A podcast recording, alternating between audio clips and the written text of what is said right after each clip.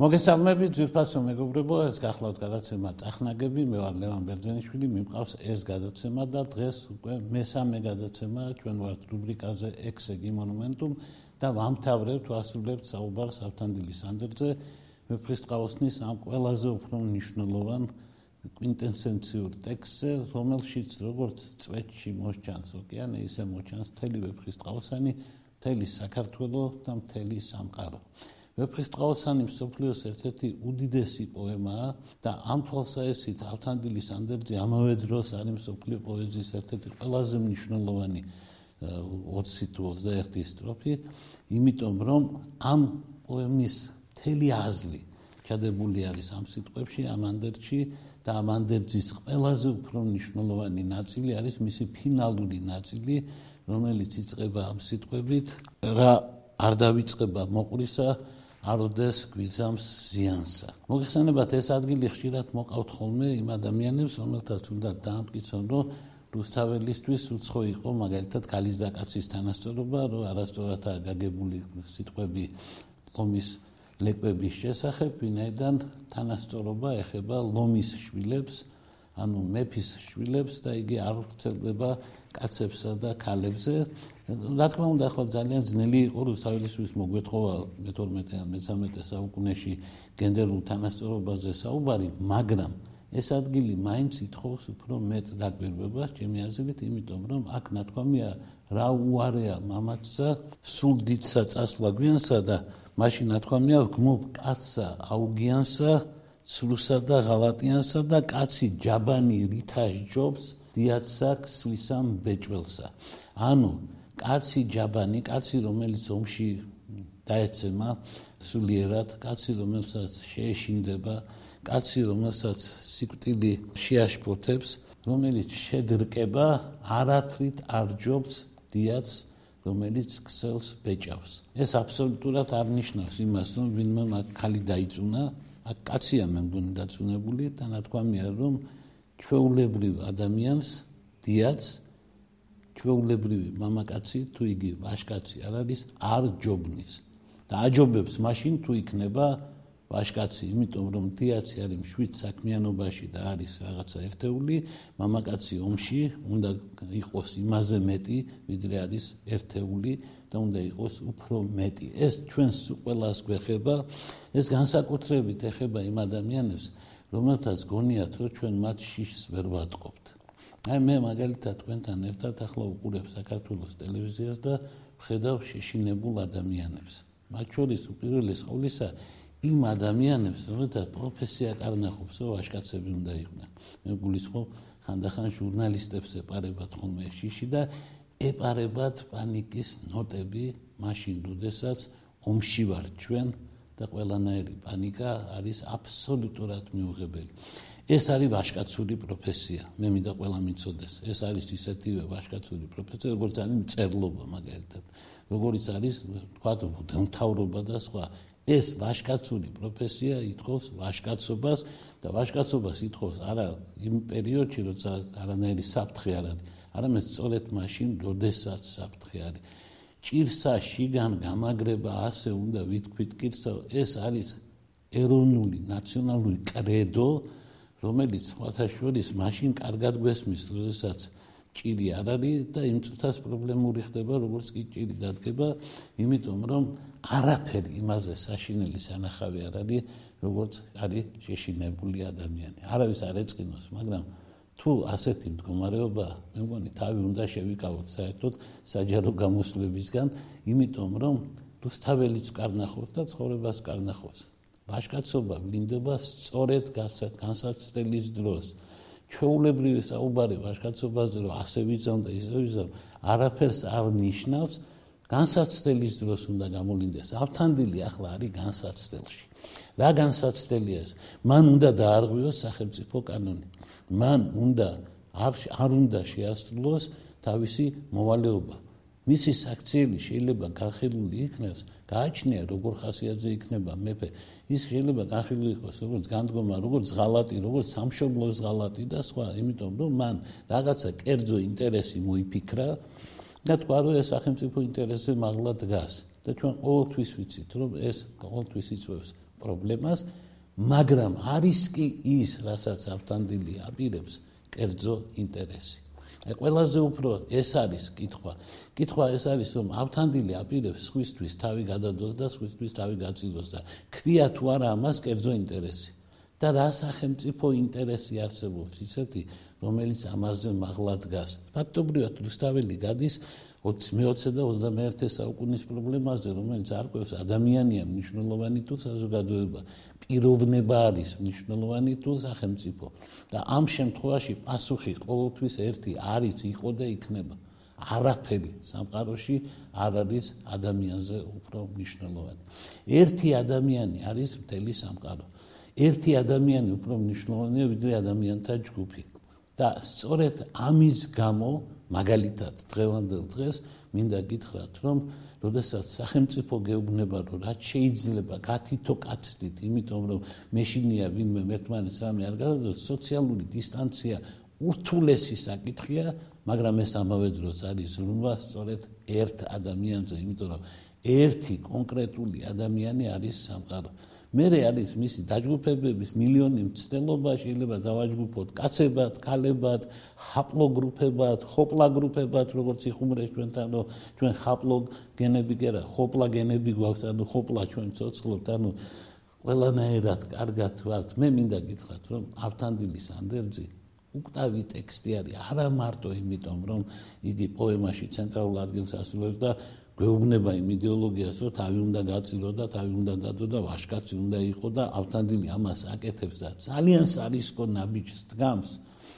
რომელმაც შეიძლება არ გაამართლოს. იმიტომ რომ ის ახლა იტყვის ამას, რომ შეიძლება ეს დამთავრდეს წარმატებით. იმიტომ რომ იგი მიდის ისეთ საქმეზე, რომელსაც თუ იპოვის ნესტანს მერე მოყვება წარმატება და მერე შეიძლება როსტევანმაც გაიგოს რა ჩაიდინა ავთანდილმა მაგრამ თუ ავთანდილი ნესტანს ვერ იპოვის როსტევანი მას აი ამ ახირებას რომ ვიღაცის დებნას აპირებდა თან ვერ გააკეთა გამარჯვებულებს არასამართლებენ სამაგერო დამარცხებულებს ასამართლებენ და თან ფეხით დგებიან ხოლმე და აი ამ თვალსაჩინით ავთანდილი არის უაღრესად რისკიანი კაცი და ეს არის შესანიშნავი ნიმუში იმისა როგორი უნდა იყოს მამაცი ადამიანი. მამაცი ადამიანი არა აუცილებელი რომ წარმატებას აღწევდეს. დიახ, ავთანდილ შეიძლება ვერ მიაღწია წარმატებისთვის.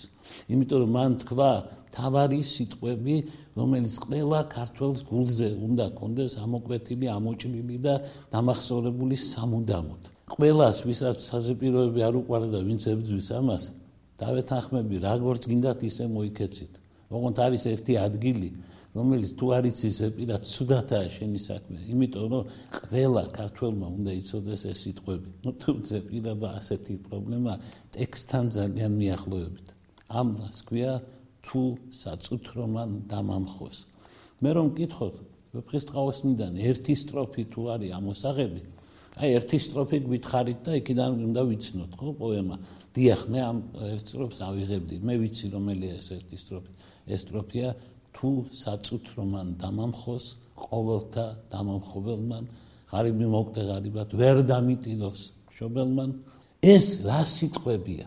ეს ის სიტყვებია საიდანაც იბადება მომავლის საქართველოს რას ნიშნავს? თუ დამამ თუ დამამხო და დამთავრდა ხო ყველაფერი. ყოველთვის ყოველთვის როცა ამაზე ლაპარაკი როდესაც ამ სტროფის გამგრძელებელი არსებობს მისი ინტერპრეტატორი არსებობს ქართულ პოეზიაში. როდესაც ვეფხისტყაოსანმა რომ დაიძინა ასე ვთქვა და საქართველოს რო დაიძინა ხანგრძლივი ძილით როცა მე-14 მე-15 მე-16 მე-17 საუკუნე გძინავს უშავეს დღეში ვარ მე-18 საუკუნეში გამოფხიზდით სადღაც მირგოროდის מחლობლად გურამიშვილის ხელში და ისიც არავის არ გვინახავს და არავინ არ ვიცოდი მე-19 საუკუნეში მოულოდნელად გაჩნდა ადამიანი რომელმაც შეძლო შეძლო ეს სიფხიზლე სიტყვებად ექცია და გააგრძელა ზუსტად ეს ადგილი. ეს ადგილი გააგრძელა. რუსთაველმა თქვა, თუ საწუთრომან დამამხოს, ყოველთა დამამხობელმა. თუ ასე მოხდა, თუ ჩემი გზა დამთავრდა წარუმატებლად. თუ მე ვერ მივახციე წარმატებას და ამ გზაზე, სადაც უამრავი საფრთხეა, მე დავიღუპე, აი მაშინ უკვე აზრი ეძლევა ამ ანდერძის ანდერძულ ხასიათს, იმიტომ რომ იგი ძალაში შედის მხოლოდ მაშინ, რასაც ის იბარებს, თუ იგი აღარ არის. თუ არ მოკვდა ავთანდილი, ეს ანდერძი იქნება მარტო პოეტური სიტყვა. და დარჩება იგი ანდერძად, რომელიც საქართველოს დაუტოვა მსოფლიოს, რომელიც რუსთავმა დაგვიტოვა ქართველებს. და რომელიც გვაძლევს უფლებას საერთოდ ვისუნთქოთ და ვთქვათ, რომ ჩვენ ვართ, ჩვენ ასეთი ხალხი ვართ. ჩვენ დასამტკიცებელი უკვე არაფერი არ აქვს, ჩვენ დამტკიცებული ვართ, ჩვენ გვაქვს ეს დოკუმენტი, რომელშიც წერია რისთვის ვართ, ჩვენ რისთვის დავიბადეთ. აი, როდესაც ის ამბობს, რომ თუ საწუთრო მან დამამხოს ყოველთა დამამხობელმან, ღარიბი მოკვდე ღარიბად ვერ დამიტირო შობელმან, ვეღარ შემსრუდლონ დაზრდილთა დავერცა მისანდობელმან, ნუ შემიწყალოთ თქვენმავე გულმან მოწყალენ დობელმა ამ შემთხვევაში ის როცა ამბობს რომ ვერ შემზრდუნ დაზდილებმა და მისანდობლებმა ავთანდილი ამბობს რომ თუ მე რაღაცის გამო წამაქცია სამყარო მომკლა და ვერა ვერ მიპოვა ვერავინ რაღაცა ისეთ ადგილას ხვდები სადაც პატრონი არავინ არ ამყავს აი მაშინ შემიწყალებს თქვენი გულიო. ანუ ის ორ ვარიანტს ტოვებს. პირველი იგი ჩამოდის წარმატებული და მას შეიწყალებს მეფე, იმიტომ რომ გამარჯვებულებს არასამართლებენ, მაგრამ ის არ უშვებს არც მეორე ვარიანტს ხელიდან, როდესაც იგი ვერ ჩამოდის გამარჯვებული, იგი მარცხდება ამ ბრძოლაში, იგი მარცხდება საერთოდ ცხოვრების სიცოცხლეს და ამ ბრძოლაში და მაშინ გაკიცხვას კი არ ელის და კი არ ელის იმას რომ თუ ვერ აკეთებდი რატომ იდიოდი, არამედ ელის სწორედ მაშინ ელის შენდობას როსტევანისგან. აი აქ უკვე ის ანტიკური კონცეფცია, რომელიც მას ჰქონდა, ის ანტიკური კონცეფცია ღმერთისა, ის ანტიკური კონცეფცია გმირობისა, ის ანტიკური კონცეფცია ვერშერცხვენისა, ხადეში ჩასვლისა, უცებ ამართული არის უმაღლეს ქრისტიანულ სიმაღლეზე, რომ მაშინ, როდესაც იგი გაირკვევა, რომ დამნაშავეა, რაღაც წარმატებასაც კი ვერ მიაღწია, სწორედ მაშინ უნდა შეინდოს იგი როსტევანმა, იმიტომ რომ ქრისტემ შეგვინდო ჩვენ ყველა მათ შორის ისინი, რომელთაც უკანასკნელ წამს გვაქვს ჩადენილი რაღაცა მონანიების აქტი. ეს იმ შემთხვევაში არის ავთანდილის სიტყვები სიმართლე. თუ კი ჩვენ ამ ორ დიდ ჭეშმარიტებას ერთად ვეზიარებთ. თუ ანტიკურობასაც დაუჯერებთ და ქრისტიანობასაც დაუჯერებთ. ეს იმას ნიშნავს, რომ შეარიგო ცეცხლი და წყალი, შეარიგო ოქსიმორონი, შეუძლებელი რამ უნდა შეძლო. აი ამ მოვლენას, ამ შეურიგებლის შერიგებას ქვია რენესანსი, ესაა ქართული რენესანსი, ესაა ვეფხისტყაოსანი. ვეფხისტყაოსანი ჩვენგან ერთბაშად, ერთდროულად ითხოვს ამ ქვეყნიურის სიყვარულის აღიარებასაც და იმ ქვეყნიური სამყაროს აღიარებასაც. აქაც კარგ ცხოვრებას და ბედნიერებას და გვიხარია ჩვენ ნესტანის გამოხსნა. ჩვენ სულ არ ფიქრობთ, რომ ეს წუთია, წუთი სოფელია და აქ გინდა გამოგიხსნია, გინდა არა მთავარია იქ რა მოხდება. ასე არ არის და ძელი ვეფხისტყაოსანი. ვეფხისტყაოსანი ამბობს, რომ აქ გვინდა ჩვენ წარმატება, მაგრამ ამავე დროს ის ამბობს, რომ იქაც გვინდა ჩვენ გადავიტანოთ. იქაურის სამყარო აკონტროლებს აქაურ სამყაროს. იქ შემარცხვენს მე ტარიელი, თუ აქ ცუდად მოვიქცევი ამბობს ავთანდილი და ეს ყველაფერი გაგრძელდება საქართველოში მე-19 საუკუნეში, როცა დაიბადება წარმოუდგენელი დონის გენიოსი ბავშვი ფაქტობრივად, რომელიც 27 წლის გამოგვეცლება ხელიდან, რომელიც ამ სიტყვებს გაიმეორებს და წაიღბანს რუსთაველს წინ მე-20 საუკუნისკენ 21 საუკუნისკენ როდესაც სიტყვის ისი სიტყვის რომ საწუთრო დაამხობს მაგრამ ის სიტყვის ასეთ სიტყვებს რომ თუ მე ეს პედისწერა მაქვს რომ მე უნდა დავეცე ეგ არაა პრობლემა. იმიტომ ჩემი დაცემის მერე მოვა სხვა ვინც გაიმეორებს ჩემ გზას ჩემი დაცემა არ იქნება უაზრო ავთანდილს რომ პარათაშვილის წოდნოდა იგი კიდევ უფრო მაგარ სიტყვას ეთქოდა როსტევანს რომ მე რომ ძდავეცე აი შეწყალებას არ მინდა იმიტომ რომ ჩემი გზა გაგრძელდება. სუდად ხომ მაინც არ ჩაივლის ეს განწილული სულისკვეთება სულ არის შეკითხვა რომ სუდად როგორ არ ჩაუვლია თუ განწილულია და დაეცადა არ ჩაივლის სუდად იმიტომ რომ მას აქვს გაგრძელება. საქართველოს დაძინებას ჩამოძინებას მის სიკვდილს, მის კლინიკურ სიკვდილს მე-15, მე-17, მე-18 საუკუნეებში მოყვა მისი სიცოცხლის ნიშნების გამოვლენა. იქ ბარათაშვილის დროს ყველა მკვდარი იყო ყველა გარუსებული იყო და ბიძამისი მაგალითად საუკეთესო ქართულ გზად რუსულ გენერლობას მიიჩნევდა და მეფის ნაცვლის ნაცვლობას მიიჩნევდა და ბარათაშვილი ერთადერთი იყო ვინც დაინახა ის გზა რომელ გზასაც ჩვენ შემდეგში დავადექით ეს ძალიან საინტერესო ამბავია რომ ვეფხისტყაოსანმა გვიშველა მე-19 საუკუნეშიც როცა რუსთაველმა შვა ბარათაშვილი და ბარათაშვილმა შვა ილია ჭავჭავაძე და იმან შვა საქართველოს ეს უდიდესი დამსახურება არის ის არსად არ წავიდა რუსთაველის დანაბარები ავთანდილის ანდერძი რომელიც თითქოს კერძო ამბავი იყო ნაციონალური ანდერძი გამოდგა და გამოადგა საქართველოს. ძველი ტექსტების გამოყენების დიდოსტატები ვარ ჩვენ ჩვენ ვეფხისტყაოსანი გამოგვადგა მე-19 საუკუნეში როდესაც სულ სულ ღაფავდით როცა რუსებმა ქართულად ლაპარაკი აგვიგრძელეს და როცა ჩვენ ამას დავემორჩილეთ აი მაშინ გადაგვარჩინა რუსთაველმა ამ განსაცდელში რო ვიყავით. მაგრამ ამავე დროს მაგალითად 21 წელს რო კონსტიტუციას ვიღებდით, როდესაც რუსი უკვე კარზე იყო მომდგარი და ყველაფერი წაგებული ჰქონდა, ჩვენ კონსტიტუცია მაინც მივიღეთ და 1991 წელს გამოგვადგა, როდესაც უკონსტიტუციო და უყველაფრო დავრჩით, იმ წუთას ამოვიღეთ უჯრიდან ძველი კონსტიტუცია და ცოტა ხანი იმით ვიცხოვეთ, არ იყო ცუდი კონსტიტუცია, სხვა ჩვენს რაღაცებში დღევანდელ ჯობდა ეკლესიისა და სახელმწიფოს ურთიერთობაში გაცილებით უფრო გულწრფელი და ნამდვილი იყო, როცა ამბობდა სახელმწიფოს ერთი თეთრის დახარჯვის უფლება რა, ну მართალიმაში თეთრი არ ანახსენები, მაგრამ ეგ იგულისხმება ეკლესიისთვის და გაცილებით უკეთესათა ეს საკითხი წარმოქმნილი. მოკლედ რომ ვთქვათ, აი ეს ადგილი რომელიც არის ვეფხისტყაოსნის კვინტენსენციის კვინტენსენცია, ანუ ანდერძის ანდერძული ნაწილი ყველაზე უფრო ძლიერი ნაწილი ანდერძისა არის სწორედ ეს ჯობს რაც თავდება ამ სიტყვებით ჯობს სახელისა მოხვეჭა ყოველსა მოსახვეჭელს როგორ არ თქვა ახლა რომ ეს ანტიკური კონცეფცია ეს არ არის ქრისტიანული კონცეფცია რა თქმა უნდა სახელის მოხვეჭას ქრისტიანობა არ გვირჩევს. ქრისტიანობა გვირჩევს მოკრძალებას და სახელზე არზრუნვას გააკეთე ჩუმა ჩენი სიკეთე დადე უფალი დაინახავს. სახელის მოხვეჭა უფალთან ხო არ არის. სახელის მოხვეჭა არის პიარი. სახელის მოხვეჭა არის ამ საზოგადო ამ ქვეყნად სახელის მოხვეჭა. ეს არ არის ქრისტიანული კონცეფცია მაგრამ ხო გეუბნებით რუსთავი ძალიან ფართო ავტორია ახლა მე გეტყვით ვისი კონცეფცია არის სახელის მოხვეჭა. ახალგაზრდა კაცმა აქილევსმა აქილევს პელევსის ძემ იცის მშვენივრად თუ წავა ტროის ომში იგი აუცილებლად წააწყდება და მოკლავს ჰექტორს და ამის შემდეგ მოკვდება თვითონაც. ახალგაზრდა არ უნდა ამ ომში წასვლა. მას არ ეკუთვნის. მას ფიცი არ დაუდევს ტინდარეოსთან იმიტომ ტინდარეოსმა ყველა მის სასიძოს ასე მისი კალიშვილის ხელის მთხოვნელებს ტინდარეოსი ამ ქვეყნიური მამაა ჰელენესი რომლის ნამდვილი მამა ზევსია მაგრამ ტინდარეოსი განაგებს ახლა მის ბედს და როდესაც ბერძნებმა მოითხოვეს ჰელენე მოგვათხოვეო მან თქვა რომ ფიცი დადეთ რომ ჩემ კალიშვილს თუ რამე მოუვა თქვენ ყველა ერთად ადგებით და დაიცავთ მას და მის მეუღლეს და მის ოჯახს. და ფიცი დაადებინა ყველას და აქილევსი იქ არისო აქილევსი მაგ დროს შეიძლება დაბადებულიც არისო და თუ იყო პატარა ბავშვი უნდა ყოფილიყო.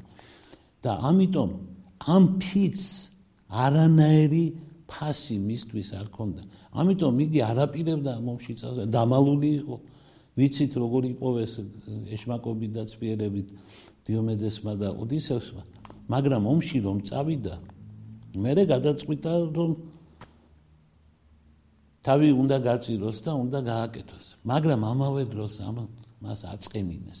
აგამემნონმა აწყენინა, ქალი წაართვა და აქილევსი დაფიქრდა საერთოდ და ღირს კი არა თუ არა ბერძნებთან ერთად ბრძოლა და ერთ მომენტში მან თქვა რომ შეიძლება სახში წავიდეო. და მას დარჩა არჩევანი. ძალიან ხშირად განსაკუთრებით ის ხალხი ვისაც წარმოდგენა არ აქვს რა არის ანტიკური ლიტერატურა მაგრამ უყვართ ამაზე მსჯელობა მათ შორის დიდი ფილოსოფოსები და მოაზროვნეები ძალიან ხოლმე მაგრამ ასეთი ანტიკურობა ყოველას მოწონს და ყველა ლაპარაკობს, მაგრამ პროფესიულად ჩახედვა ჭირდება, ტექსტებს წაკითხვა ჭირდება ბუნებრივია, იმიტომ რომ ბევრისგან გაგვიგონია ესეთ სისულელები, ამას წინათ უსმენდი და ყურებს არ უჯერებდი ჰარვარდის უნივერსიტეტის პროფესორს შეცდომა მოუვიდა ტექსტთან დაკავშირებით. და ჩემ მარტალი გითხრა ცოტა გაკვირვებული ვიყავ და მივწერე, მივწერე წერილი, რომ ეს მე მგონი ასე არ არის მეთქი.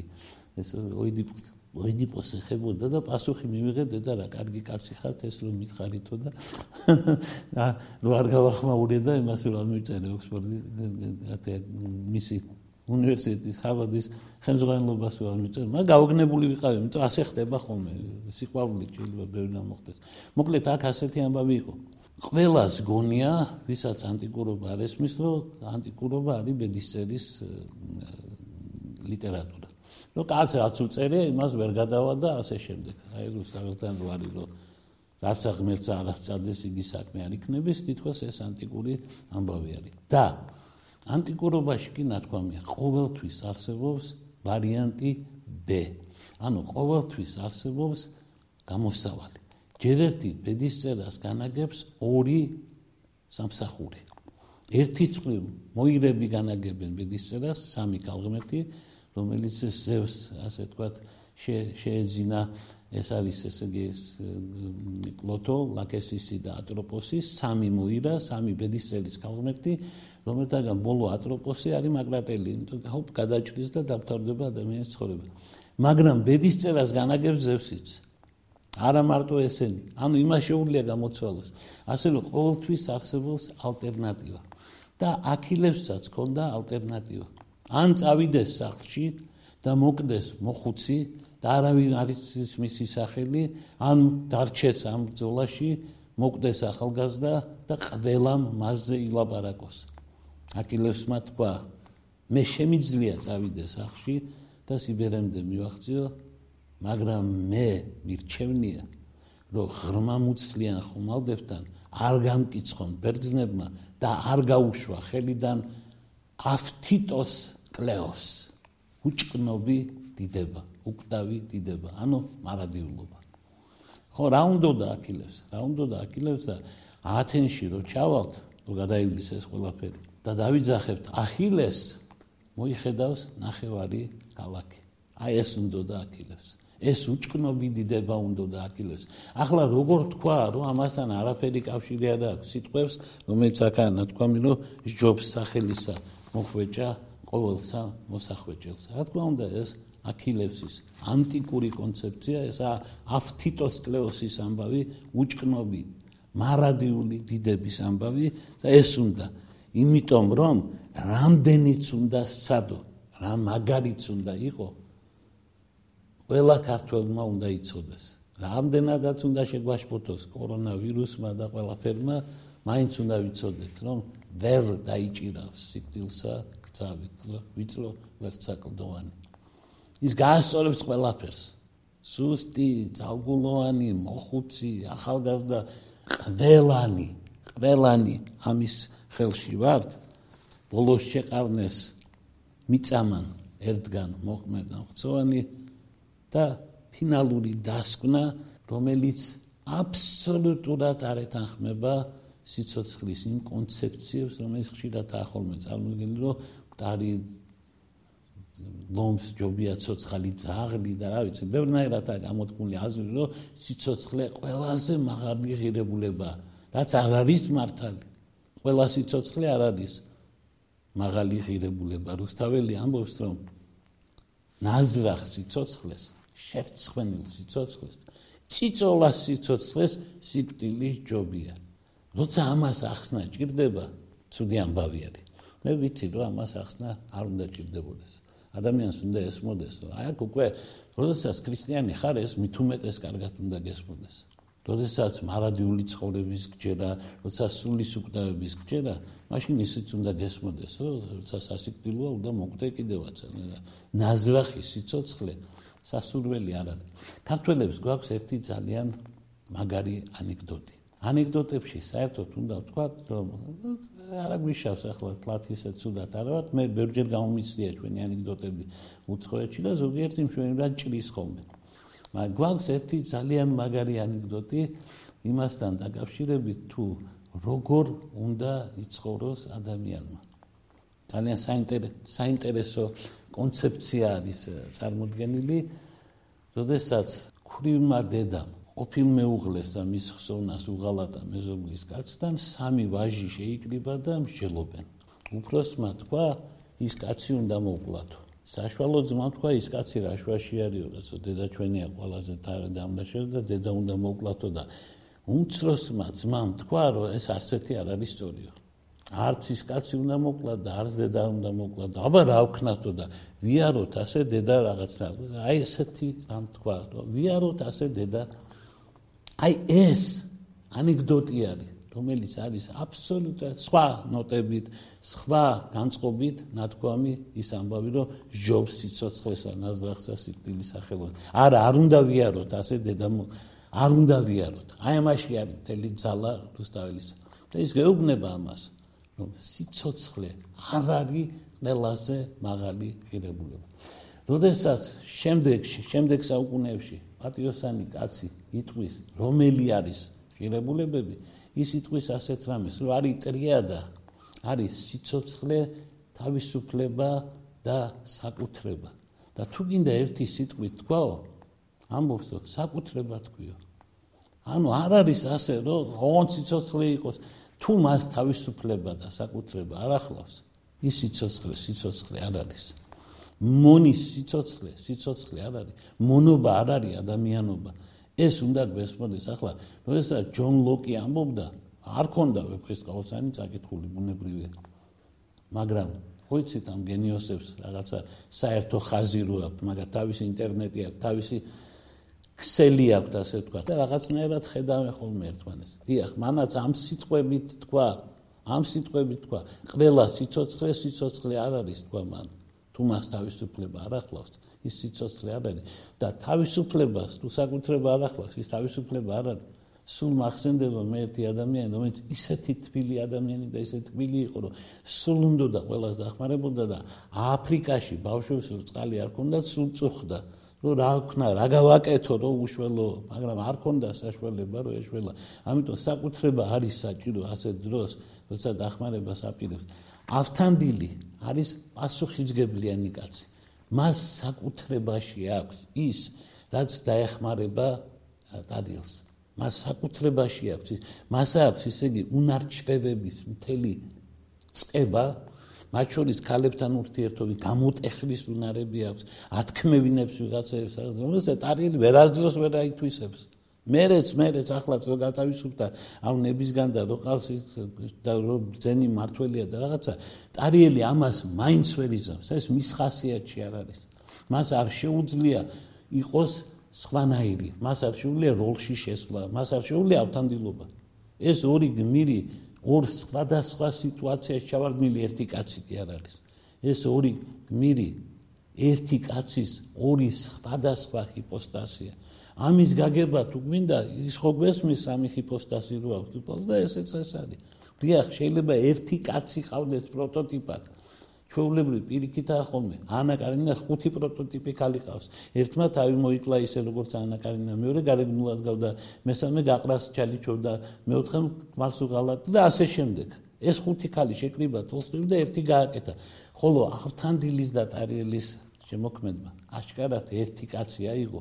და ორად გააკეთა და შეიძლება სამადაც გააკეთა ესეთი კაცი შეიძლება თვითონ იყო შეიძლება მას ქონდა ეს უნარები მაგრამ ავთანდილმა იცის რომ იგი ღმერთმა იმიტომ აჭურვა აღჭურვა ამ უნარით ამ ფანტასტიკური უნარით რომ იყოს მსახიობი როცა საჭიროა რომ ტარიელს ეს არ შეუძლია.